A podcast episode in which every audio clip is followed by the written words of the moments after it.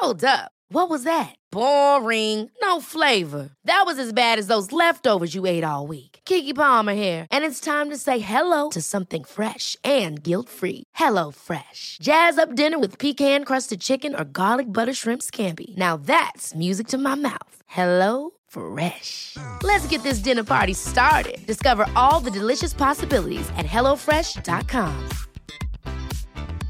Many of us have those stubborn pounds that seem impossible to lose, no matter how good we eat or how hard we work out. My solution is PlushCare.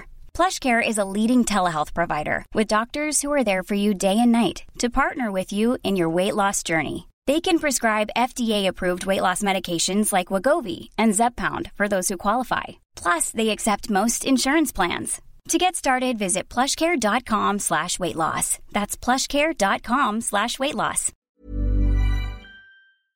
Du lyssnar på en podd från Media House by RF.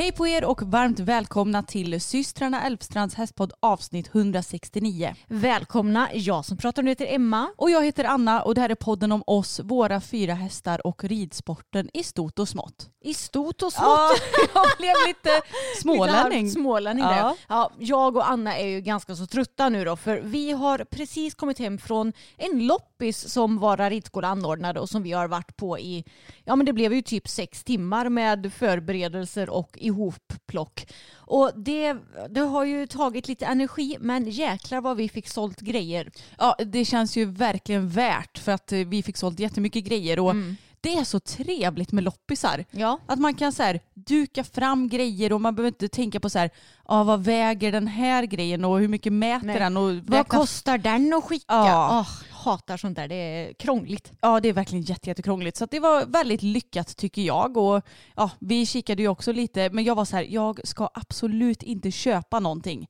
Men fan vad det kliar i mina fingrar. jag såg snygga schabrak och jag såg allt möjligt som jag egentligen ville ha. Men jag bara nej, nej, nej Anna nu är du här för att sälja, inte köpa. Precis, jag tänker snarare så att de pengarna som jag har fått nu från idag, de kan jag lägga på att köpa typ så här, handla på Kicks eller något sånt där skojsigt som Ja. jag eh, hellre lägger mina pengar på. Eller hudvård eller någonting som du Ja, brukar. men det köpte jag ju här om veckan så det har jag ju redan fixat. Men jag ska, ehm, jag ska bunkra upp mitt lager med SPF nu för jag har ju knappt någon kvar förutom till ansiktet så här SPF 50 men jag behöver lite så här sprayer för kroppen. Mm. Och också väldigt bra att vi fick pengar för vi har ju bokat en resa i sommar, Anna, vår första utlandsresa på fem år blir det. Ja, fyra år för mig va? Ja, ja fem för mig, fyra för dig. Ja, det ska bli så kul. Vi ska till Montenegro. Mm. ska bli så spännande att åka dit för det ser så himla fint ut där. Ja, Så jättefint det ser vi fram emot. Ja, verkligen skönt att få vara lite lediga. För man kan ju säga som så att det är bråda dagar nu för oss, Anna. Vi har ju precis haft vår intensiva tävlingsvecka där vi tävlade i söndags, i måndags, i torsdags och i fredags. Och nu när vi spelar in idag så är det söndag. Bara för, att, för att vi har tänkt att imorgon när det är måndag då ska vi vara lediga. Så vi får ledigt någon gång den här veckan. Ja men alltså det är helt galet. Jag känner bara hur orkar min utbrända hjärna med allting? Men eh, den har gjort det på något vis. Ja, jag tänker som så här att när man har så här mycket att göra då får man ju bara se till att vara noga med att planera in vilodagar Ja. och lediga dagar. Alltså vilodagar behöver inte innebära att man bara ligger på sofflocket men Nej. liksom göra något helt annat. Ja och vi, grejen är att vi har ju typ tävlingar hela vägen fram till mitten av juni förutom, vad blir det, nästa vecka? Ja. Ja. Exakt, men jag, jag får se, jag kanske inte följer med dig och fokus till jäsen Anna. Nej jag är inte så sugen på att åka dit överhuvudtaget Men egentligen. eh, det är ju lagtävling och ja, du, du är inte, det är inte så att de andra bara du måste rida henne men för att ni ska få fullt lag så behöver väl du vara med och rida va? Ja men exakt och jag, jag är lite opepp för att de har sökt dispens i Jäsen om att få ha eh, ja, men, två banor på i deras paddock. Och vad jag har förstått det som så är ju den, ja men vad blir det, 40 meter bred tror jag. Så då kommer banorna vara 19 meter breda ungefär. Ja. 19 till 19,5 meter bred. Och jag blir så här, jag vet inte hur fokus kommer gå när han går så himla nära ett annat ekipage och ja, det känns så himla, det känns lite opeppigt ärligt talat. Det känns lite osäkert också. Jag hade inte velat tävla med Bella om det är så trångt Nej. och man ska möta andra hästar och sådär. Så det gäller ju att man inte har någon mötesskygg häst om man ska kunna utföra en sån tävling på ett vettigt sätt. Nej och sen så fattar jag ju att de söker dispens annars tar ju dagen jättelång tid. Men det, ja, jag vet inte, jag känner mig bara lite opeppad. Men vem vet, det kanske kommer gå skitbra den gången. Ja, och nu den här helgen som kommer så ska ju du ha fokus på dressyrmeeting i Borås och jag och Pebban ska till Vara och hoppa. Och det ser jag verkligen fram emot. Men eh, annars ska vi ta och börja prata lite om föregående vecka och hur alla tävlingar där har gått. Ja men det kan vi väl göra. Och först och främst så debuterade ju Pebban på dressyrbanan. Ja. Det var ju första tävlingen ut för oss med de här, den här tävlingsveckan. Och alltså hon var ju så duktig. Ja. Vi hade ju nästan inte förväntat oss annat, även om jag hade varit så här att det är helt okej om det inte går så himla bra. Ja, och det ska ju tilläggas att hon har ju inte varit på något annat ställe sen vi köpte henne förutom på vår gård, på ridskolan och hos veterinären när vi har varit där. Exakt Hon har så. inte varit på någon annan Nej. anläggning. Hon är inte så berest för tillfället. Nej. Men hon var ju så himla okomplicerad. Det gick bra att knoppa, även fast du har kuttat av manen lite grann. Ja. Och hon har ju inte så mycket man den där tjejen. Nej. Så det blir ganska små knoppar men det är väldigt sött och hon blir ju skitgullig med de där. Ja. Och väldigt lätt att lasta. Hon gick på på en gång och hon stod snällt på släpet. Och det enda var att hon var lite stressad när jag skulle rida fram. Ja, och hon var extremt, alltså när jag skrittade fram henne för hand, hon, hon har aldrig skrittat så snabbt förut någonsin tror jag. Så jag tror att det var lite stress i kroppen för henne. Att hon inte riktigt förstod grejen eller sådär. Och så när jag skulle rida fram och rida in på framridningen, eh, på, nu kan jag inte ens prata, rida in på framridningen, då så gick jag in samtidigt som en häst som också var hyperstressad. Som typ travade in eller så här, taktade med höga knän typ och jag bara eh, hästen kan du lägga av med det där men det kan ju inte jag påverka så jag försökte liksom bara att så här, lugn Pebban för hon skrittade fort som fasen och så började hon att typ eh, hon blåste inte men hon var så här vad ska jag göra du vet. Ja, hon hade gått upp lite i adrenalin. Verkligen. Så jag försökte bara så här slappna av och eh, få henne att länga formen lite och så här. Men sen så kom vi lite till ridning och hon var väldigt pigg. Och grejen var att det var Skara som anordnade tävlingen och de hade liksom råkat ändra starttiderna typ vid så här kvart 20 över 10 på kvällen dagen innan.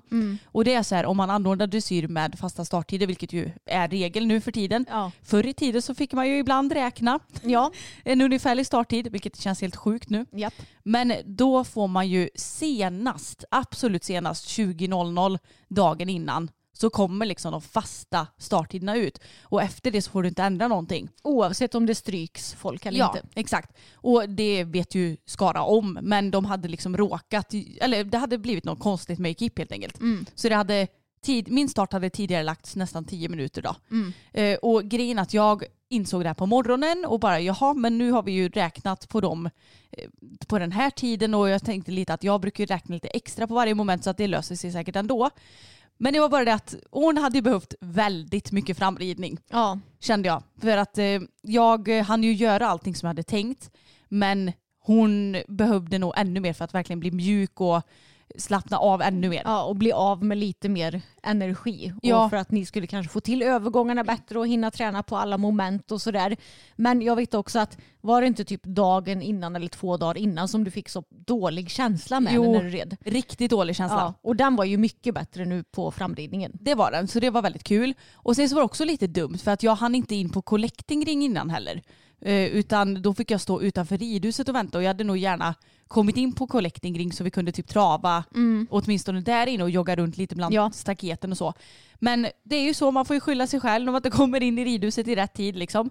Eh, Så att då fick vi stå utanför istället. Men trots kanske inte de bästa förutsättningarna med tanke på att hon inte hade hunnit att spänna av helt på framridning och så, så var hon så duktig. Ja. Hon var lite för pigg under programmets gång och i övergångarna så, ja men hon kastade upp huvudet lite grann liksom, Ja, eller hon, lite hon, ostabil. ja, hon blir lite stretig och vill bita sig fast i bettet och inte riktigt ta förhållningarna och då blir det att hon, hon blir lite för lång och stretig i formen helt Ja. enkelt. Men det är verkligen ingenting jag klagar på. Jag menar energi behöver vi ju på banan för att Oh, hon ja. ska kunna ja, men gå dressyr ordentligt. Och Ja. Det var ju väldigt skönt att slippa känna sig att oh, jag måste driva igenom hela den här klassen. Mm. Så var det absolut inte. Det var ju tvärtom. att jag bara, ho, prr, lugn och fin. Ja, i början när du red runt, du bara, då såg det ut som att hon var på väg att typ hoppa ut från staket. Ja, det gång. och var du, det. Och du bara, nej, nej, nej, vi ska inte hoppa ut. Men sen så skötte ni det mycket bättre. Jag tyckte att hon höll ihop sig ändå fint i programmet. Och det var ju bara, hon blev lite skrämd av domaren en gång när hon Ja. sa ett betyg när ni red förbi. Alltså det var så jävla gulligt. Jag har aldrig varit med om något sötare någon gång tror jag. För att vi red in på banan och jag tittade lite på staketet och de hade gjort som så att de hade bara staket liksom vid, domar, vid domaren ena långsidan och sen på kortsidan så att de hade väggen som ett staket liksom.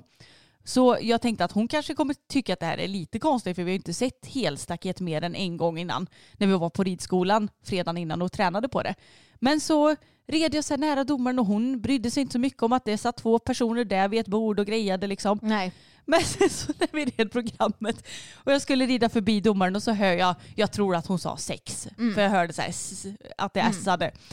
Och då bara, "Wow", då blev hon rädd och typ så här hoppade iväg lite. Ja. Och bytte galopp Och gjorde hon väl bytte då. galopp och ja, precis. Alltså så gulligt så jag kände bara, men gud Pebban, har du, glömde du bort att de satt där eller var det bara läskigt att de helt plötsligt började prata? Ja, jag vet är, inte. hon är ju lite ljudkänslig. Ja. Det är typiskt henne för hon brydde, hon brydde sig inte om någonting i övrigt. Som sagt, de flesta hästar kanske hade tittat på dressyrstaket och domare första gången. Ja, och Men det- bokstäver. Och bokstäver. Men det gör ju inte hon. Hon skiter ju i det. Men däremot är hon ju lite ljudkänslig. Ja. Men jag var så himla stolt över er när ni hade ridit. Jag tycker inte att du hade kunnat gjort det bättre och inte hon heller med tanke på förutsättningarna för dagen.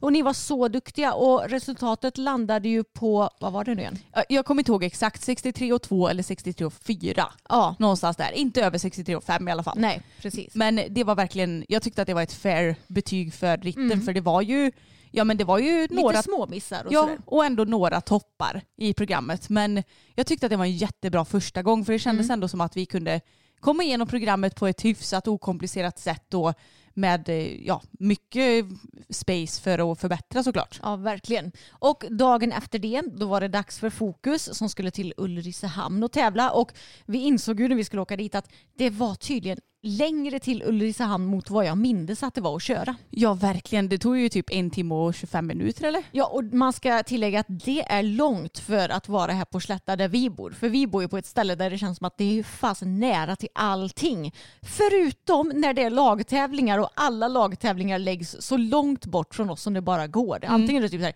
Dalsland, Ulricehamn, typ nedanför Borås. Alltså, Ja, typ är de- inte Eds där någonstans också? Eds är ju högt upp i Dalsland. tror Ja, just det. Ja, nej men alltså, man kan säga så att lagtävlingar brukar läggas så långt ifrån oss som det bara går i distriktet av någon anledning. Ja. Så det är ju typ då som vi behöver åka lite längre.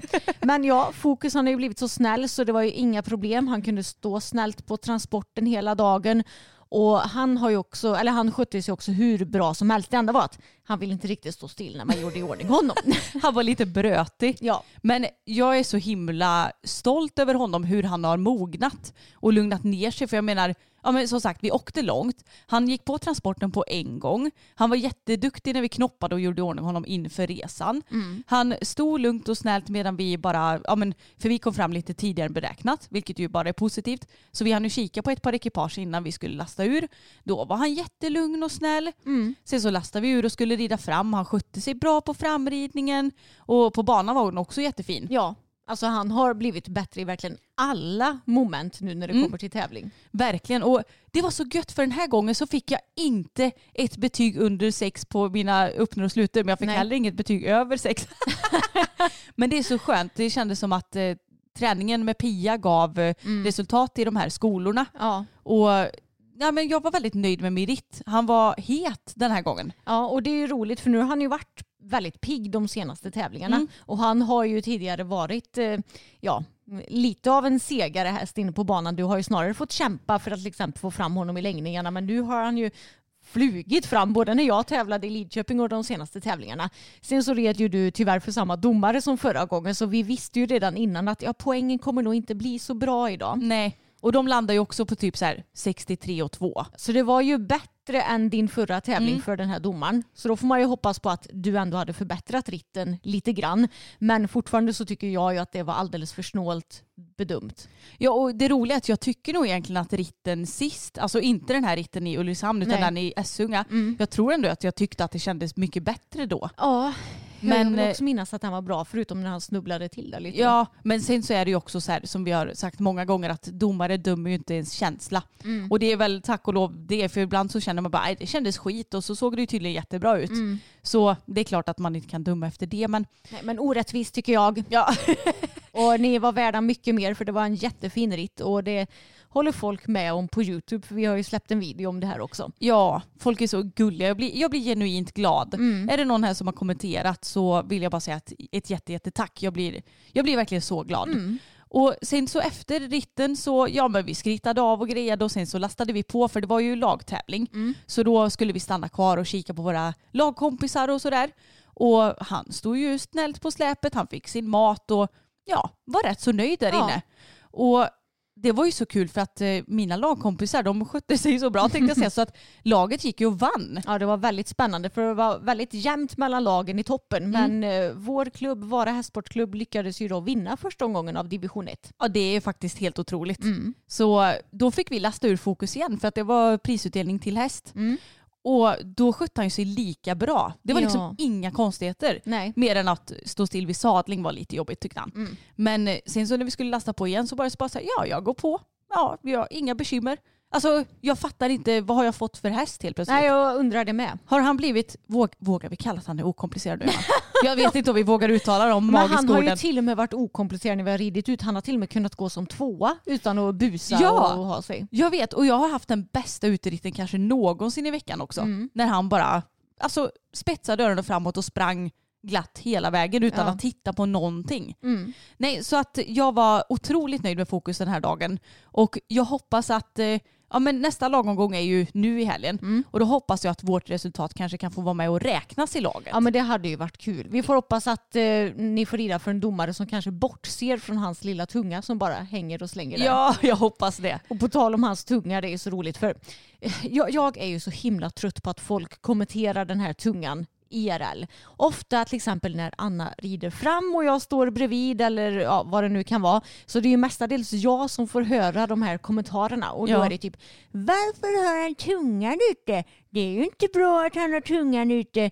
Har ni provat en annan norsgrimma? Har ni provat ett annat bett? Vi sa att vi skulle typ behöva höra av oss till Shirtpod som gör vår poddmerch och fråga hej, kan ni trycka upp en merch? Och på framsidan så är det fok- bild på en bild på fokus. där han har sin tunga ute. och Bara, "Öh." och sen så om någon frågar mig det, då ska jag först peka på framsidan av eh, tröjan, sen ska jag vända mig om och så drar jag upp en luva om det är någon och så står det så här ett. Vi vet inte varför han har ute tungan. Mm. Två, ja, vi har provat många olika nosgrimmor och bett. Och tre, nej han har inget fel i munnen eller något Ja, sånt där. precis. Tre. Nej, det är inget fel på Ja. honom. ja, men sådär, för jag, alltså jag är så sjukt trött på alla de här frågorna och, som vi får hela tiden. Och det som jag blir mest trött på det är att har inte fokus någon annan identitet än hästen som har tungan ute? Jag kan bli så trött och bara less på, på det. Ja, men jag är övertygad om att om någon hade stått och pratat om honom så hade de ju bara, ah, ja men du vet den där hästen med tungan. Det hade inte varit den där, den där söta hästen med fyra vita strumpor Nej. eller hästen med tjock svans eller den där mörkbruna hästen. Ja det är han ju just nu, snart blir han väl gul typ. Men, Men men det var ju, jag tänkte säga, det är ju samma som med Boppen. Han var ju bara, åh vad stor han är, fick Ja. man höra hela tiden. Mm. Och nu med fokus är det om hans tunga. Mm. Det är så, ja, jag vet inte, det är bara så tröttsamt ja. tycker jag. ja, och jag kan tycka att det är en grej att fråga typ så här på YouTube eller någonting. När man inte frågar IRL, men alltså det är ju på varenda jäkla tävling som du får stå där och svara på alla frågor. Ja, men jag orkar inte, nu orkar jag inte vara trevlig längre Nej. när folk frågar det. Utan då, jag, jag orkar liksom inte, ja men det beror på det här och det här, utan jag svarar på det lite kort och ja. Jag, Ja. jag kan bli så trött på att folk ska lägga sig i också. Har ni provat det här bettet? Har ni Ja, provat men då, det här vi har ju pratat om det här, Ja. oombedda tips. Precis, jag har inte bett om något tips på den här hästen. Det är vår häst och vi gör det som vi vill göra med Och känns honom. bra. Ja, precis. Och det som känns bra i vår eh, moral att göra. Mm. Jag behöver inte höra av någon annan att eh, Nej, men det är inte bra att han har tungan ute. Nej, det fattar väl jag också. Men det finns väl många saker som all, eller vissa hästar gör som inte är bra. Men inte fan håller jag på och kommenterar om vad andra hästar gör. Nej. Det är inte bra att den hästen går så mycket bakom lod. Det är inte bra att den hästen gapar. Det är inte bra att den hästen bla bla bla bla. Nej, för att jag är en vettig människa och vet att jag inte kommenterar någonting som jag inte har att göra med. Oj, Emma hon, el, hon är eldig idag. Ja, och är det någonting som man är, eh, genuint orolig för på tävling, då får ju överdomaren ta tag i det. Då Exakt. får man väl gå och prata med överdomaren då. Är man orolig för att Fokus ska ha något fel i munnen, då får man väl be överdomaren känna på hans eh, mun och tunga och kolla vad han har för bett eller vad tusan det nu kan vara. Ja. Ja, nej, jag, jag är som ni hör, jag är trött på det här. Så därför ska det bli faktiskt lite skönt att inte följa med er till Borås, bara för att då kommer inte jag behöva svara på några sådana kommentarer i alla fall. Nej. Annars hade jag gärna gjort det, för det är alltid lika kul att hänga med dig och fokus Ja. på tävling. Ja, du är gullig du. Undra om eh, Samuel kommer bli den som får svara på alla frågor. Och han bara, jag har ingen aning. Så här. Nej, exakt. Nej, det blir intressant. Och grejen att det, det drabbar ju inte mig så mycket eftersom att jag rider. Mm. Och det är ingen som liksom frågar mig på framridningen och bara ah, förutom den överdomaren i Essunga då. Ja, precis. Men de som rider är väl tillräckligt fokuserade på sig själva. Liksom. Exakt. Så det är ju du som blir drabbad. Ja, det är det. Men ja, kort och gott, både Pebban och Fokus var superduktiga på sina tävlingar. Sen så var det då dags för Pebban på torsdagen att göra sin första hopptävling hos oss. Och då skulle jag åka med henne till Falköping. Och nu ska vi se här, har, ja det ska komma upp film på det här Imorgon. imorgon. Ja, Mm. exakt. Och det här var ju väldans roligt för hemma har jag ju tyckt att hoppningen den har känts helt okej men min balans, jag har inte varit så himla nöjd med den och eh, ja, men, jag, jag har varit lite irriterad på mig själv kan man ju säga. Så därför hade jag anmält mig till 80 centimeter även om jag vet att hon tycker att det är hur lågt som helst men nu kan jag åtminstone skylla på att hon har varit skadad och att det är därför som jag hoppar lågt även om Du- det egentligen mest beror på mig. Emma, man behöver inte ha något att skylla på. Nej. Man anmäler sig till den klass som känns bra. Ja, tack PK Anna. Ja, men det, det, är, det är ju faktiskt sant. ja, det vet. kanske sitter någon där som har köpt en häst som gått 1,30 och så eh, kanske han egentligen så här, ja 80 cm kanske egentligen är på gränsen till för lågt för oss som ekipage men vi har aldrig tävlat tidigare. Det är helt okej att tävla lågt. Det, det har du helt uh, wet och riktigt i. Ja, Ja, men Pebban hade ju inte hopptävlat sedan mars förra året, så typ 14 månader. Och jag insåg också att jag inte hoppat den hästen på något annat ställe än hemma och på ridskolan. Men sen vet jag också om att hon är ju det största A-barnet i världen så det lär ju garanterat inte vara något problem. Och jag kan säga som så att den här tävlingen, hon var så jäkla duktig hela tiden. Och till skillnad från i Skara där vi upplevde att hon var lite stressad typ när man precis tog ut henne ur transporten och när man eh, red fram och gjorde i ordning henne. Hon var kolugn den här gången. Ja. Hon var så mycket lugnare. Det var den gamla vanliga Pebban. ja, och jag skrittade ju fram henne medan du klädde på dig. Och då var hon ju inte alls så där hetsig Nej. och gick fort utan ja, det enda hon gjorde det var att gnägga lite på de andra hästarna. Liksom. Ja. Men det var ingenting som, Nej. som var så stressigt den här gången. Men exakt. Och på framridningen, för det var både framridning och framhoppning i samma ridhus eftersom de hade lektioner tror jag i deras eh, andra ridhus. Och det gick alldeles utmärkt. Det var ganska många hästar och man kunde ju bara rida i ett varv. Men hon var så snäll. Det är så skönt att rida fram och hoppa fram på en häst som dels ett, inte sparkar, två, inte svänger inåt konstant. I love you Bella men ja. Du har dina flas. Ja, du har dina flas. Men hon kändes avspänd och fin på framridningen. Pigg men ändå lugn, if that makes sense. ja.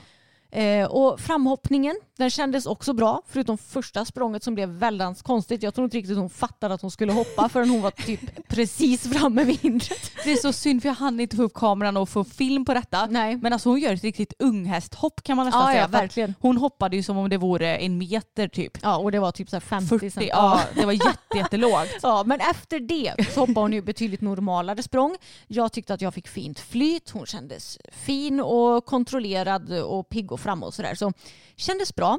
Eh, banan i 80 centimeter. Jag är ganska nöjd med min ridning. Jag kände att jag kan inte förvänta mig att jag ska rida helt perfekt nu första tävlingen på en ny häst. Ska man vara sån? Jag har inte hoppat henne så många gånger Nej. eftersom hon skadade sig så himla snabbt efter att vi hade fått henne. Och sen har det ju mestadels varit rehabilitering. Men i alla fall, jag är faktiskt väldigt nöjd med hur 80 cm banan gick. Det enda var att jag la in något extra språng på någon distans eh, och att det kanske blev lite av och påridning men jag tror inte jag tror inte att det syns lika mycket som det kändes för mig. Nej, och jag skulle säga det för du sa ju det direkt efteråt att ja, det blev lite av och på men Mm. jag tyckte ändå att du tog rätt beslut för att om du inte gör någonting då blir det ju lite mellanläge istället. Jo. Så jag, jag tycker att vi, det här av och på, jag tycker att vi betonar det lite negativt ibland. Ja, jo kanske. För att jag tänker att det är bättre att ta ett beslut som ändå blir ett korrekt beslut Mm. genom att du lägger hästen på rätt sätt än att det blir ja men att du inte bryr dig någonting och att det blir så här halvsprång hela Ja, tiden. precis. Samtidigt så är det väl klart att i det bästa av två världar hade du haft ett framåtläge hela tiden och Ja. haft ett flyt framåt. Precis. Men det är inte helt negativt med av och påridning heller, förstår du vad jag menar? Jag tänkte säga, är det någonting jag kan så är det att ta beslut. Det är inte alltid rätt beslut, men beslut tas i god tid kan man säga. Ja, men Mm. någonting som du inte gjorde i god tid på första rundan, Vad? det var ju att svänga.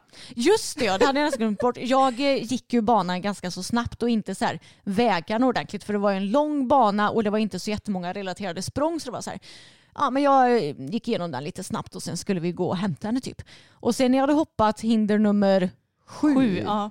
blir det va? ja, det var väl nio hinder va? Eller var det tio? hinder. När jag hade hoppat hinder nummer åtta Ja. så var det egentligen en ganska så snabb vänstersväng till hinder nummer nio. Eller snäv, för att vara en utenbana då, egentligen inte snäv alls. Nej. Men jag tänkte ju att den här vänstersvängen att den var mycket större och att hindret stod mycket längre in på banan. Så när jag har ridit förbi hinder nummer nio, jag bara jäklar dit är det som jag ska. Så då fick jag nästan rida som en liten serpentin och komma på det hindret. Jag bara, jag tänker inte lägga någon volt. Jag får lösa den här situationen ändå. Det är 80 centimeter, vi kan komma hur som helst på det. Pebban fattade inte riktigt vad, vad jag menade men det löste sig och vi var felfria i första klassen. Det såg så roligt ut för att jag filmar ju och det var soligt väder och då är det alltid lite svårt att filma för att man ser inte lika bra. Så när jag såg att du svängde sådär konstigt, jag bara oj är Pebban så svår att svänga tänkte jag först här. Men det kan hon väl inte vara? Nej. Men sen så var det ju att du hade glömt vart du skulle Jag någonstans. glömde vart jag skulle. Men ja, det löste sig och jag tyckte ändå att min balans kändes helt okej på den här banan. Det kändes bättre än vad det gjort hemma. Och då kände jag att nu när vi ändå är här, det är samma bana i 90 centimeter, då kan väl vi kolla om det går att efteranmäla sig till nästa klass också så jag fick hoppa en 90 centimeters runda med. Och det gick ju som tur var. Mm. Det var väldigt snabba puckar dock. Ja. Jag fick så här springa upp till sekretariatet, lösa allt och sen fick du ju typ gå in på framhoppningen och bara hoppa Ja, ja. ett par språng. Ja, exakt. Jag, jag startade ju bland de sista i 80 och sen fick jag ju starta först i 90. Så jag hoppade bara något språng på något räcke inne på framhoppningen och sen in på banan igen. Men jag tycker att det är skönt. Ska jag rida två klasser, säg att jag är på en pay and jump, då brukar jag önska att få starta typ så här sist i ena klassen och först i nästa klass så man kan vara kvar inne på banan. För det här med att göra två uppvärmningar, det är inte riktigt min grej. Nej, jag vet. Jag tappar motivationen och ja, allt sånt där då. Och det behövde jag inte göra nu. Då kunde jag hoppa två klasser och bara sitta kvar på henne. Men 90 centimeters rundan då. Jag hade nog ungefär samma känsla som i 80 centimeter. Bara det att här på, det var ju samma linje som jag failade lite på i båda klasserna. I första klassen så plockade jag så himla mycket i henne till första hindret och då tänkte jag, äh, jag lägger till ett till språng. Medan nu i 90 centimeter, då red jag på henne så mycket på första hindret så hon tog ett stort språng. Och någon, något eh, vad ska man säga, ridbarhetsproblem som vi har med Pebban är att hon kan bli väldigt stark i hoppningen. Hon blir het och stark så jag, hon tog inte min halvhalt överhuvudtaget. det var ett relaterat avstånd där det skulle vara sju språng så i första klassen fick jag åtta där. Och nu var det så här, när jag hade ridit typ så här två språng då var det så här ska jag rida på sex språng? Alltså det var, jag började typ tänka det men sen så kände jag bara nej, hon ska banne mig lyssna på mina halvhalter. Så jag fortsatte och fortsatte och vi lyckades ju klämma in ett litet sjunde språng då. Det såg ju absolut inte harmoniskt ut men hon får ju också lite skylla sig själv om hon inte tar mina halvhalter känner jag. Ja men verkligen och hon är så rolig för att då slänger hon upp huvudet lite grann liksom och, och så kan hon grymta lite såhär. Man bara men ta bara halvvaltet så är vi kompisar sen. Ja, men hon exakt. ska liksom bara nej men jag vill inte för jag tycker det här är kul. Ja, men det var egentligen det enda som jag var lite missnöjd med på den banan. Annars tycker jag ändå att vi fick fint flyt. Och vi var felfria även i den här klassen. Så vi fick med oss två rosetter hem. Ja och du kommer ju ihåg att svänga nu till hinder Ja, nummer nio. det blev faktiskt mycket bättre sväng till det hindret som tur var. Nej, så det kändes skönt att ha hoppat 90 centimeter också. Balansen kändes bättre där än vad den har gjort hemma, även om jag fortfarande har en del kvar att jobba på. Men jag har ju ett litet så här, dilemma nu. Det är att jag vill ju egentligen ha ett så här hålla ett ganska bra tempo så man får bra flyt och så att man gärna kan lägga henne i lite framåtlägen. Men när jag gör det, då blir hon ju för stark för mig. Och det blir ju svårt och problematiskt när man ska hoppa typ kombinationer och relaterade avstånd för då blir det för trångt. Så jag är lite så här nu, om man skulle ta och betsla upp henne när man hoppar hoppar. Men ja, jag är i alla fall för tillfället. Ja, samtidigt så här, jag gillar ju inte att rida på för skarpa bett egentligen. Men jag gillar ju inte heller när hästarna blir så här starka. För jag är ju van vid typ Bella, hon är ju svinkänslig i munnen. Mm. Alltså hon lyssnar alltid på halvvalten när man tar. Tage är också väldigt känslig i munnen. Mm. Fokus, han är ju inte heller någon stark häst i hoppningen. Nej. Så. Nej, och jag tänker också så här, vill du hellre att hon då gör som hon gjorde i 90-klassen, Ja, att hon bara vägrar ta din halvvalt? Jag vill inte det. Men pro- alltså, problemet med henne också är att hon är ju inte alltid stark. Nej. Utan hon är ju bara stark när man ska ta förhållningar. Mm. Och inte, hon är egentligen känslig när man bara har bettet liggandes i munnen och när man travar omkring. Det är ju när man vill att halvvalterna ska, ska gå igenom som hon inte riktigt lyssnar på dem. Jag tror och hoppas också att det här ska bli bättre när hon har fått eh, lite bättre tandhälsa för hon har ju tyvärr ganska så dåliga tänder och behöver ju åka in och kolla dem igen om typ ja, men ett par månader. Ja. Eh, Så jag hoppas att det på sikt ska bli bättre med allting. Men eventuellt att jag skulle behöva rida henne på något lite skarpare bett i hoppningen nu. För jag vill ju, det, det är ju också en säkerhetsfråga. Det är det jag tänker Mm. också. Man får inte vara så himla insnöad på att man ska ha så lätt eller så mjukt bett som möjligt eller så milt bett som möjligt så att man blir dum istället. Liksom. Nej precis. Så jag kan säga att ni som lyssnar, kan inte ni gå in i vår Facebookgrupp som heter systrarna Älvstrands hästpodd eftersnack om ni har någon häst som ni tycker påminner lite om Pebban. Det vill säga att hästen kanske är känslig när, bara, ja, när man bara rider omkring men som ibland kan bli väldigt stark när man ska ta halvhalter och då kanske främst i hoppningen. Har ni något bra bett som ni kan tipsa om? Som är, vad rider jag på nu? Ett femdelat eh, baby fulmer-bett. Ja men precis, det är ju sånt med så här parerstänger heter Ja. det va? Och femdelat är ju typ som ett så här kulbett fast inte riktigt. Nej, inte riktigt så många eh, Delar. delar. Mm. Nej, precis. Nej, så ni det, får är gärna- ju, ja, det är ju ett ganska milt bett jag rider på Ja. nu egentligen. Det är det. Men eh, kommentera om ni har några bra tips. Jag är inte super på bett och det är ju för att vi har ju egentligen aldrig haft några hästar som det har varit några större problem med. Boppen var ju också väldigt känslig i munnen till exempel. Ja. Så ja, kommentera gärna om ni kan hjälpa mig. För jag känner att det är någonting som jag behöver kanske få lite bättre koll på. Mm, jag håller med. Men sen så dagen efter det här då, då skulle vi till Grevagården med Bälsan. Det skulle vi. Hon skulle gå 1,10 och jag kände att det var så skönt när vi kom dit för ja, men det gick ju bra med henne att lasta och göra i ordning och allt. Vad det nu var, hon är ju alltid dösnäll på tävling. Men när vi kom dit och jag gick banan och jag känner när jag går en 1,10 bana att det här känns inte så högt. Alltså det känns helt okej. Jag känner mig inte nervös utan jag känner mig lugn. Vet om att jag kommer klara den här uppgiften. Och jag har ju inte haft den här känslan sen jag och Boppen tävlade 1,10 back in the day. Så det var ju många år sedan för jag har ju inte tävlat 1,10 sen dess egentligen. Nej jag vet, det är så länge sedan. Ja, Och det var så skönt för jag kände att eftersom du var så lugn så blev jag väldigt lugn Ja. också. För de senaste tävlingarna så har jag varit väldigt nervös när jag hoppat 1,10. Mm. Och det handlar ju, som jag sagt många gånger, inte så mycket om att så här, åh ska hon åka av, jag hoppas det går bra. Alltså det är inte de tankarna som far i huvudet utan det är mer Mm. så här, jag bli, har blivit extra nervös helt enkelt. Mm. Men den här gången så kände jag mig så lugn. Ja, men det gjorde jag också. Och, ja, men det känns bara så skönt. Nu börjar jag komma upp på den här nivån och att 1,10 börjar kännas lite bekvämt. För första gången jag tävlade 1,10 det kändes absolut inte bekvämt. Nej, Nu, det, nu känns det mycket bekvämare. och det kanske inte heller gör det första gången man startar en ny höjd. Nej, och det behöver inte göra det heller så Nej. länge man kan utföra det på ett säkert sätt. Men ja, i alla fall. Framhoppningen. Alltså, jag kände redan när jag red fram och hoppade fram att hon var lite blyg idag. Mm. Och när jag säger att hon är blyg då menar jag att hon är inte riktigt framme för skänken. Hon tar inte riktigt för sig. Om man jämför med till exempel förra tävlingen i Falköping när hon var väldigt framåt. Jag hade väldigt lätt för att hitta bra lägen till hindren. Hon hoppade alltså kvickt över dem för att vara Bella. Nu blev hon lite så här det kändes som att hon stod emot lite grann och hoppade väldigt långsamt över vissa hinder och sådär. Så ja, men hon hoppade bra men jag fick inte riktigt det här flytet på framhoppningen. Nej, det var ju inte den absolut bästa känslan du någonsin haft. Exakt. Men jag hade ändå en plan hur jag skulle rida när jag red in på banan. Tänkte att ja, men jag behöver verkligen få henne framåt. Och Grevagårdens bana den är ju ganska så fyrkantig och den är ju framförallt stor. Så det var ju en stor bana. Samtidigt så tror jag att Bella tyckte att det var lite tryck på sidorna med till exempel den här stora resultatskylten som var vid ena långsidan. Det finns lite allt möjligt och det kändes som att hon var kanske lite mer fokuserad på själva omgivningen än mig ibland, if that makes sense. Men jag fick ju mycket bättre känsla inne på banan än på framhoppningen. Ja. Och resultatet den här gången det blev fyra fel. Vi fick ett nedslag och det är vårt bästa resultat i 1.10 så jag kan inte klaga. Och jag skulle säga att det är helt klart den bästa känslan som jag har fått i 1.10 så det var väldigt roligt. Och hon hoppade jättefint på alla hinder förutom det som hon rev. Och jag tror att hon rev det för att det var ett relaterat avstånd där det först var ett räcke och sen sex galoppsprång till Oxer. Och eftersom hon var lite blyg så fick jag ju tänka väldigt mycket så här, ja, fram direkt efter räcket.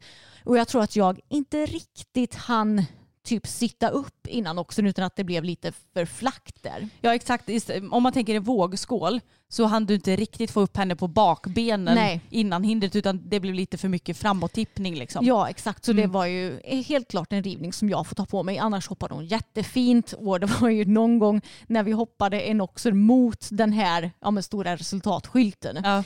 Då jäklar kände jag att hon stod emot mot det hindret så jag fick så här, ge henne lite långa tyglar över det hindret men hon löste ju det men då blev det så här oj nu fick jag lägga till ett språng till på den distansen efteråt så vi kommer lite knasigt på den. Men hon löste det liksom ändå och det känns så skönt att även om det blir lite knasigt när vi hoppar 1,10 så kan vi båda två lösa situationen på ett ändå relativt smidigt sätt. ja, det såg ju absolut inte klumpigt ut. Nej. Så jag tyckte att ni var skitduktiga. Tänk Ja. vad duktiga ni har blivit nu. Ja, men jag är faktiskt väldigt nöjd. Och som sagt, jag är så nöjd över att jag börjar känna mig säkrare och säkrare. Och det är ju för att jag har hoppat så regelbundet nu. Och att jag sakta men säkert har tagit mig ur min lilla komfortbubbla. Ja. Och det är det som jag tänker att vi ska göra med dig också Lena. Vi ska ta oss ur den där lilla bubblan. Det kommer, det kommer. Mm. Men jag är övertygad om att nu kommer ju snart nollorna trilla in i en och tio också. Ja, alltså nu har ju resultatet blivit bättre och det känns som att ja, men den där nollan den var inte långt ifrån den här gången heller. Det hade lika gärna kunnat bli nollrunda Ja. för er den här gången. Liksom. Precis. Så jag ser fram emot att eh, ja, men rida fler 1,10 på Bella. Nu kommer hon få lite tävlingsvila fram till och med Falköpings nationalhelgstävlingar. Mm. Då ska vi iväg på ett litet mini-meeting fast vi kommer åka hem emellan så att jag ska tävla där två dagar. Så då tänker jag att första dagen hoppar jag en meter och andra dagen 1,10 och sen ska Pebban få hänga med också. Så då blir det lite så här, då får jag värmt upp lite med en meter första dagen och sen hoppa 1,10 andra dagen så är vi förhoppningsvis lite så här pigga och fräscha till det också. Ja, men det tycker jag låter som en bra plan och det ser Mm. jag fram emot. Ja, men jag är så taggad trots att vi har tävlat så mycket nu så att egentligen känns det som att hjärnan är helt slut för att vi får aldrig återhämta oss. Så är jag ändå så himla peppad på att tävla för att våra hästar är så sjukt fina nu och att det har gått så bra och att både du och jag har börjat rida så mycket bättre på tävling också tycker jag. Ja, men det är lite det jag känner också att vi får fan passa på nu. Ja. Hästarna är friska, det är tävlingssäsong Ja. och vi, vi, vi har ju inga, inget som hindrar oss egentligen. Nej, och på sommaren kanske man ändå vill hitta på att göra lite andra grejer. Exakt. Typ åka på semester och sola och bada och sådär. Nu är det lite mer, nu är det ju perfekt tävlingsväder Ja, egentligen. precis.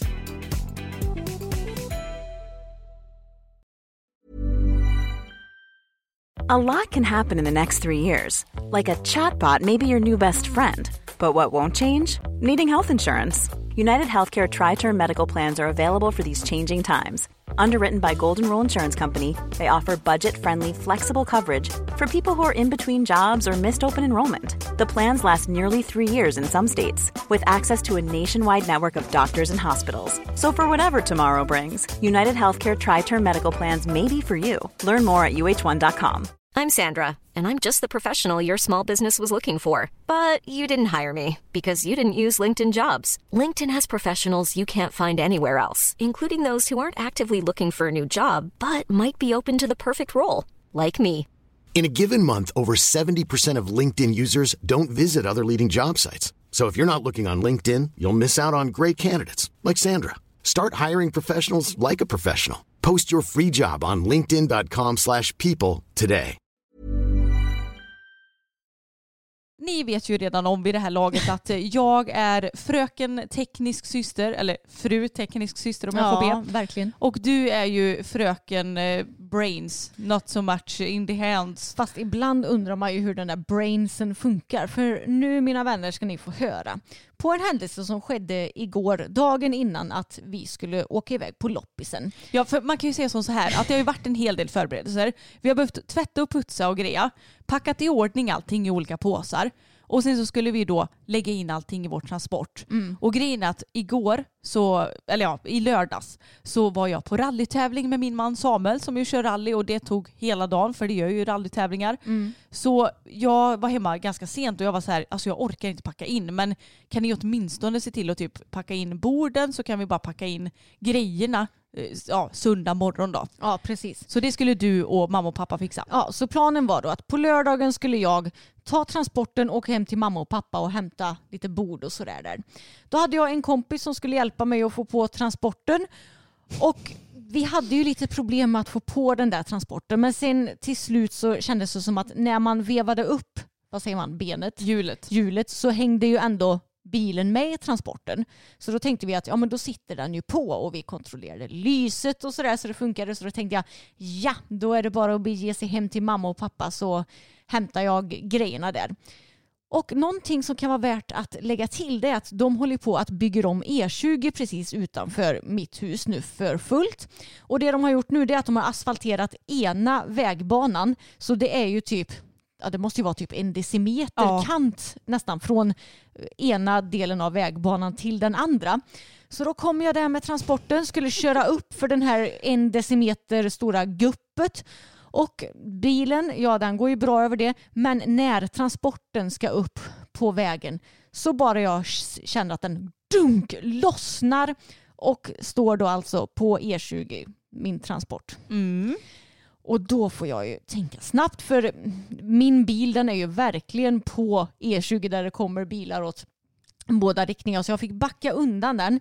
Sen fick jag lossa handbromsen på transporten och försöka backa iväg den så snabbt jag kunde också. För som tur var, eftersom det är ett sånt stort hopp, den hann ju inte riktigt komma upp på vägbanan innan den flög av bilen. Nej, Det, det var faktiskt tur i oturen. Ja, verkligen. Flög av bilen Ja. också, vad dramatiskt.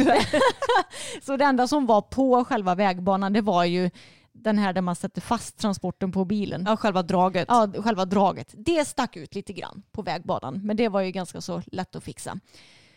Jag hade också för övrigt på mig klänning och långklänning och foppatofflor vilket mamma tyckte var väldigt roligt i efterhand.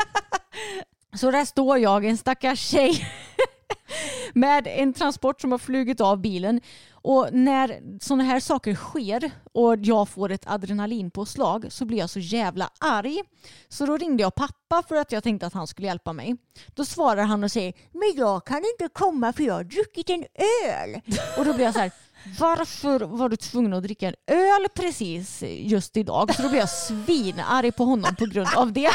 Så det är pappas fel att du inte kan ta på transporten. Ja jag vet men Ja, jag, jag, tänker, inte logiskt jag tänker inte logiskt när jag får adrenalinpåslag. Det var ju en eh, man som körde på mig med bil just inne i en korsning eh, en gång. Jag blev också svinarg på honom då.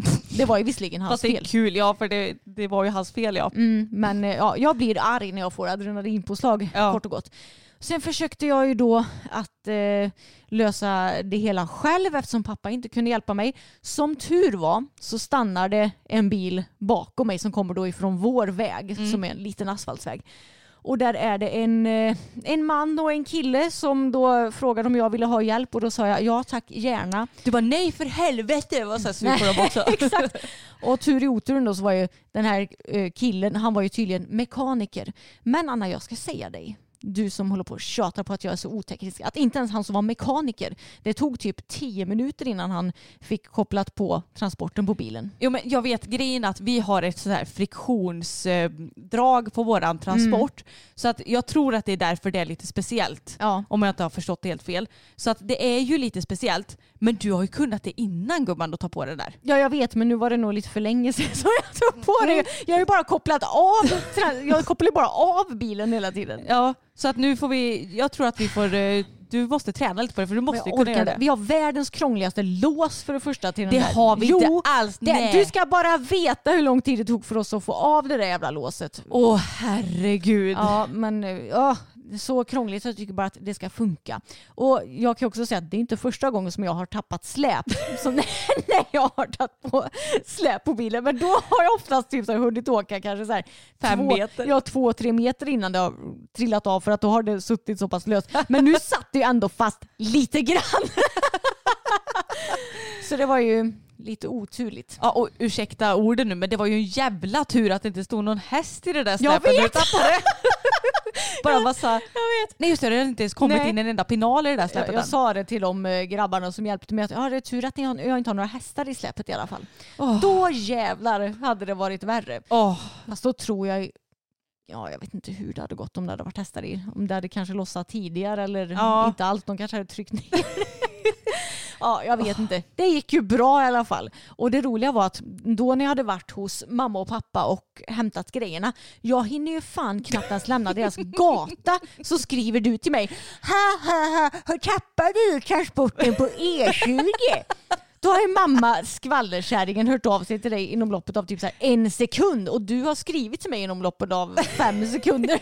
Fast grejen var så här att jag skickade äntligen hemma till mamma igår, eller ja, i lördags då, vid 19.47. Och då så skickade mamma, gött, nu har Emma hämtat här, inte utan äventyr, men men.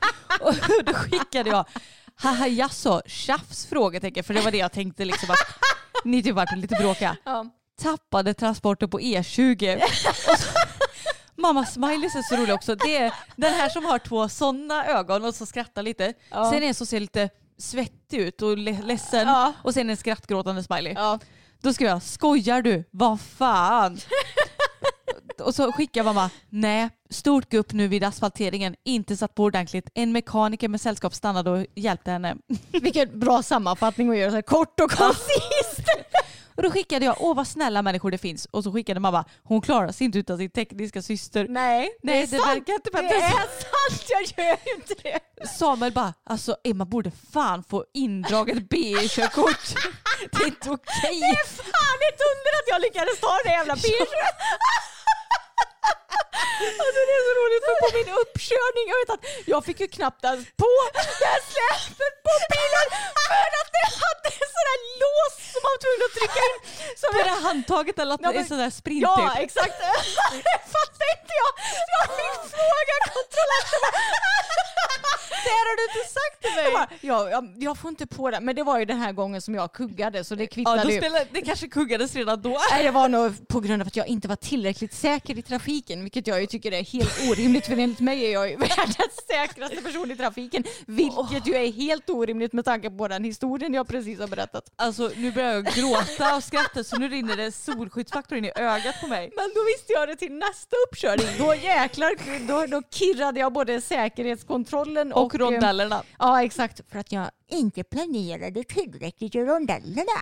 Åh, herregud vad roligt.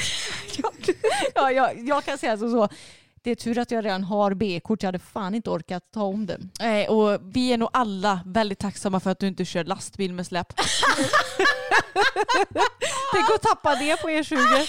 Det är inte bara att liksom backa undan lite med kroppsvikt. Nej. Åh, herregud. Vilken, eh, vilket äventyr. Ja, Men det var det värt med tanke på hur bra vi sålde idag. ja det, det löste ju sig till Mm. slut.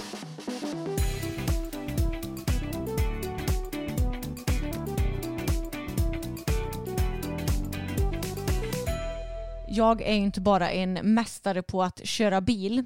Jag är ju också en mästare på att konversera. Inte alltid kanske. Nej. Nej, jag tycker det är ganska skönt att faktiskt bara vara tyst ibland också. Som den introverta människan jag är. Och är det någonting som jag verkligen ogillar så är det att prata samtidigt som jag rider. Det funkar när man rider ut och typ så här, när man är i skogen och skrittar. För då kan man ju prata med varandra och bara ha det socialt och trevligt. Men så här, när man rider på ridbana, säg att jag ska rida ett dressyrpass och vi åker till ridhuset för att rida och det är andra folk där. Jag vill ju, då, då kanske jag kan säga hej, hälsa på dem. Men sen när jag... Kanske. Ja, men det beror, är de jätte så här, fokuserade så känner ju inte jag att jag måste hälsa nej, på dem eller att nej. de måste hälsa på mig. Men när jag rider sen, när jag sitter på min häst, då är jag där för en sak. Det är att rida. Eller hur? Det är att fokusera.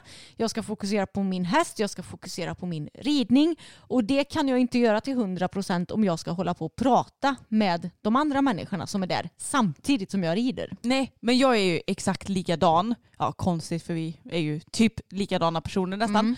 Nej men ibland så kommer man ju in i ridhuset och så kanske det är två kompisar som är där och så håller de på och rider och travar och galopperar runt och pratar under tiden och jag blir så här, folk får ju såklart göra precis vad de vill. Men jag skulle inte klara av att göra det och få till ett ordentligt ridpass. Nej men jag känner, man kan ju omöjligt fokusera 100% på hästen om man gör det. Och du och jag, vi är ju lite av så här allt eller inget människor. Antingen så går du in till 100% på ett ridpass eller så kan du lika gärna skita i det. Det är därför som vi rider ut så pass mycket också. För när vi bara ska till exempel jogga en häst, det kan ju vi lika gärna göra i skogen. Ja. Men när vi väl är på banan, då jävlar är vi på banan och då rider vi. Ja, då är det seriöst. Ja, och jag vill inte att någon ska prata med mig förutom min tränare om jag rider på banan. Mm. Möjligtvis du om, och om jag säger Anna kan du kolla när jag rider den här öppnan eller kan du säga lite vad jag ska göra nu. Ja. Men jag vill inte att du ska bara du Emma jag tänkte sen att efter lunch då kan vi väl ta och fota det här och jag kan ta och redigera det här. Nej. Alltså jag är i nuet när jag rider och jag har insett att det är många som inte är det. Många tycker att det är lite trevligt att rida omkring och prata med varandra även när du rider ett inom stationstecken seriöst pass. Ja, eller hur? Och som sagt, det kanske funkar för andra, men vi gör inte det i alla fall. Det funkar då inte för min utbrända hjärna. Den Nej. klarar inte av att fokusera på så mycket samtidigt. Nej, men jag har alltid varit sån att jag inte kan hålla på och snacka medan jag rider. Mm. Utan då måste jag fokusera på en och samma sak. Ja, jag med. Och, eller ja, i alla fall för att få ut det mesta av det. Ja, men jag tänker att om jag ska kunna kommunicera med min häst till 100 procent, då kan jag ju inte hålla på och kommunicera med någon annan samtidigt. Det är ju som att jag kan ju inte prata med dig och ha en konversation med dig samtidigt som jag har en helt annan konversation med någon annan. Nej. Det borde ju bli exakt samma sak. Ja. Bara det att jag inte pratar i ord med min häst utan att jag kommunic- kommunicerar med min häst med min kropp. Och då är det, ju, det blir ju två helt olika konversationer. Ja, jag tänker exakt samma sak Mm. faktiskt. Att eh, det är ju som en sorts kommunikation vi har mellan våra hästar. Och det blir ju inte... Det blir ju att det krockar om man håller på att prata med någon annan. Ja, alltså jag tycker att det är mest respektfullt mot hästen Mm. att vara helt fokuserad på denne. Mm. Ja, och det är klart att du och jag kan ju prata ibland. Alltså, ibland så kan jag liksom så här, om jag typ galopperar lite och inte gör något speciellt precis då, då kan jag kasta ett öga mot dig. Jag kanske ser att du gör ett byte eller något och så kan jag ropa bra. Men sen rider jag ju vidare. Eller om jag har skrittpaus och du inte har det så kan jag ju säga snyggt. Ja, eller vad exakt. det nu kan vara. Men jag skulle ju aldrig lägga till något eller börja babbla med dig massor om det inte är något akut. Givetvis. Men det är Nej. sällan det är det. Ja exakt, men det är en grej som jag har reflekterat över egentligen ganska länge men som jag kom att tänka på här om veckan. Mm. Det här fenomenet att du och jag, vi är verkligen inte sådana personer som klarar av att göra två saker samtidigt på hästryggen. Nej, och tänk ändå vad liksom vad ska man säga, sammansvetsade du och jag blivit i allting när det kommer till Mm. mycket givetvis men framförallt hästarna. Att så här, det bara sker automatiskt för oss. Ja jag vet. Att vi, vi pratar inte Nej. utan vi snackar när vi skrittar bara. Ja, exakt. Vi har, vi har sån jäkla bra kommunikation du och jag och sånt eh, teamwork. Men det är så sjukt för att när du rider i paddocken samtidigt som mig det är som att det inte ens finns en till person där nästan. Ja, jag vet. För att, ja men du vet så fort jag rider med någon annan då blir jag mycket mer så här, ja måste hålla koll på den. Ja. Men det är som att du och jag, vi lever i någon jävla symbios Ja. alltså. Vi, så här, vi bara existerar runt varandra Jag när vi vet. rider. Utan ord. Ja. Det är så sjukt egentligen. Ja, jag har jag inte vet. tänkt på det förrän nu. Nej, men ja det är sant. Jag stör mig mycket mer på eh, vad ska man säga, att någon annan är inom stationstecken i vägen om jag Mm. rider med vem som helst annan förutom Ja. dig. Ja, och eh, ni får ju tolka våra ord med stör sig på. Men det, det blir ju liksom så att eh, man har inte samma... eh, Ja men man vet ju inte exakt hur du... Jag vet hur du brukar rida. Ja exakt. Då vet jag vart jag ska hålla mig någonstans. Precis, och jag vet att även om du glor till höger betyder inte det betyda att, äh, be, behöver inte det betyda att du ska svänga till höger till exempel. Men hörni, vi tänkte att vi ska spela in nästa veckas avsnitt redan nu i veckan. Vi brukar alltid spela in på måndagar men vi tänkte göra det lite tidigare så att vi ja, men kanske kan få en liten ledig måndag efter meeting här är. ef- eftersom Anna ska vara på meeting hela helgen. Jag ska, ja men dels ska jag ju tävla själv och sen så ska jag jobba på vår ridklubbs eh, tävlingar både lördag och Mm. söndag. Så ni hör ju, det blir ju inga lediga dagar den här veckan för oss heller. Nej det är full rulle kebabrulle som jag brukar säga. Exakt. Så därför, vi tänker att vi ska ha frågor, nu blir det mycket på samma gång här. Vi ska ha frågepoddsavsnitt, för det är ju 170 avsnittet. Och har ni några frågor, om ni har lite längre frågor kan ni skicka till vår mail, elfstrandset.hotmail.com. Men annars så lägger vi upp en frågepoll och det kommer vi säkert att göra på onsdag. Ja, mm, det skulle jag tippa alltså på. imorgon. Så vill ni ha, eller har ni några frågor på lager så kan ni skicka dem till oss på systrarna Elfstrand på Instagram. Ja, och se till att följa oss på Instagram för där lägger vi upp allting som är relaterat till podden. Ni får hänga med i daglig uppdatering på oss och våra hästars liv. Vi lägger upp lite fina bilder och filmer och allt vad det nu är. Sen har vi också vår YouTube-kanal som heter systrarna Elfstrand och där lägger vi upp till exempel alla tävlingsvloggar så ni kan se lite mer vad vi har pratat om. Vi lägger upp vanliga vloggar, vi lägger upp challenges, allt möjligt skojsigt som har med hästar att göra. Det stämmer bra det. Tusen tack för att ni lyssnar på dagens avsnitt och hoppas att ni får en fin dag. Ha det bäst! Kram! Hej då! Hej då! Planning for your next trip? Elevate your travel style with Quince. Quince has all the jet setting essentials you'll want for your next getaway, like European linen, premium luggage options, buttery soft Italian leather bags, and so much more. And is all priced at 50 to 80% less than similar brands. Plus, Quince only works with factories that use safe and ethical manufacturing practices. Pack your bags with high-quality essentials you'll be wearing for vacations to come with Quince. Go to quince.com/pack for free shipping and 365-day returns. Ever catch yourself eating the same flavorless dinner three days in a row? Dreaming of something better? Well, HelloFresh is your guilt-free dream come true, baby. It's me, Gigi Palmer. Let's wake up those taste buds with hot, juicy pecan-crusted chicken or garlic butter shrimp scampi. Mm. Hello Fresh. Stop dreaming of all the delicious possibilities and dig in at HelloFresh.com. Let's get this dinner party started.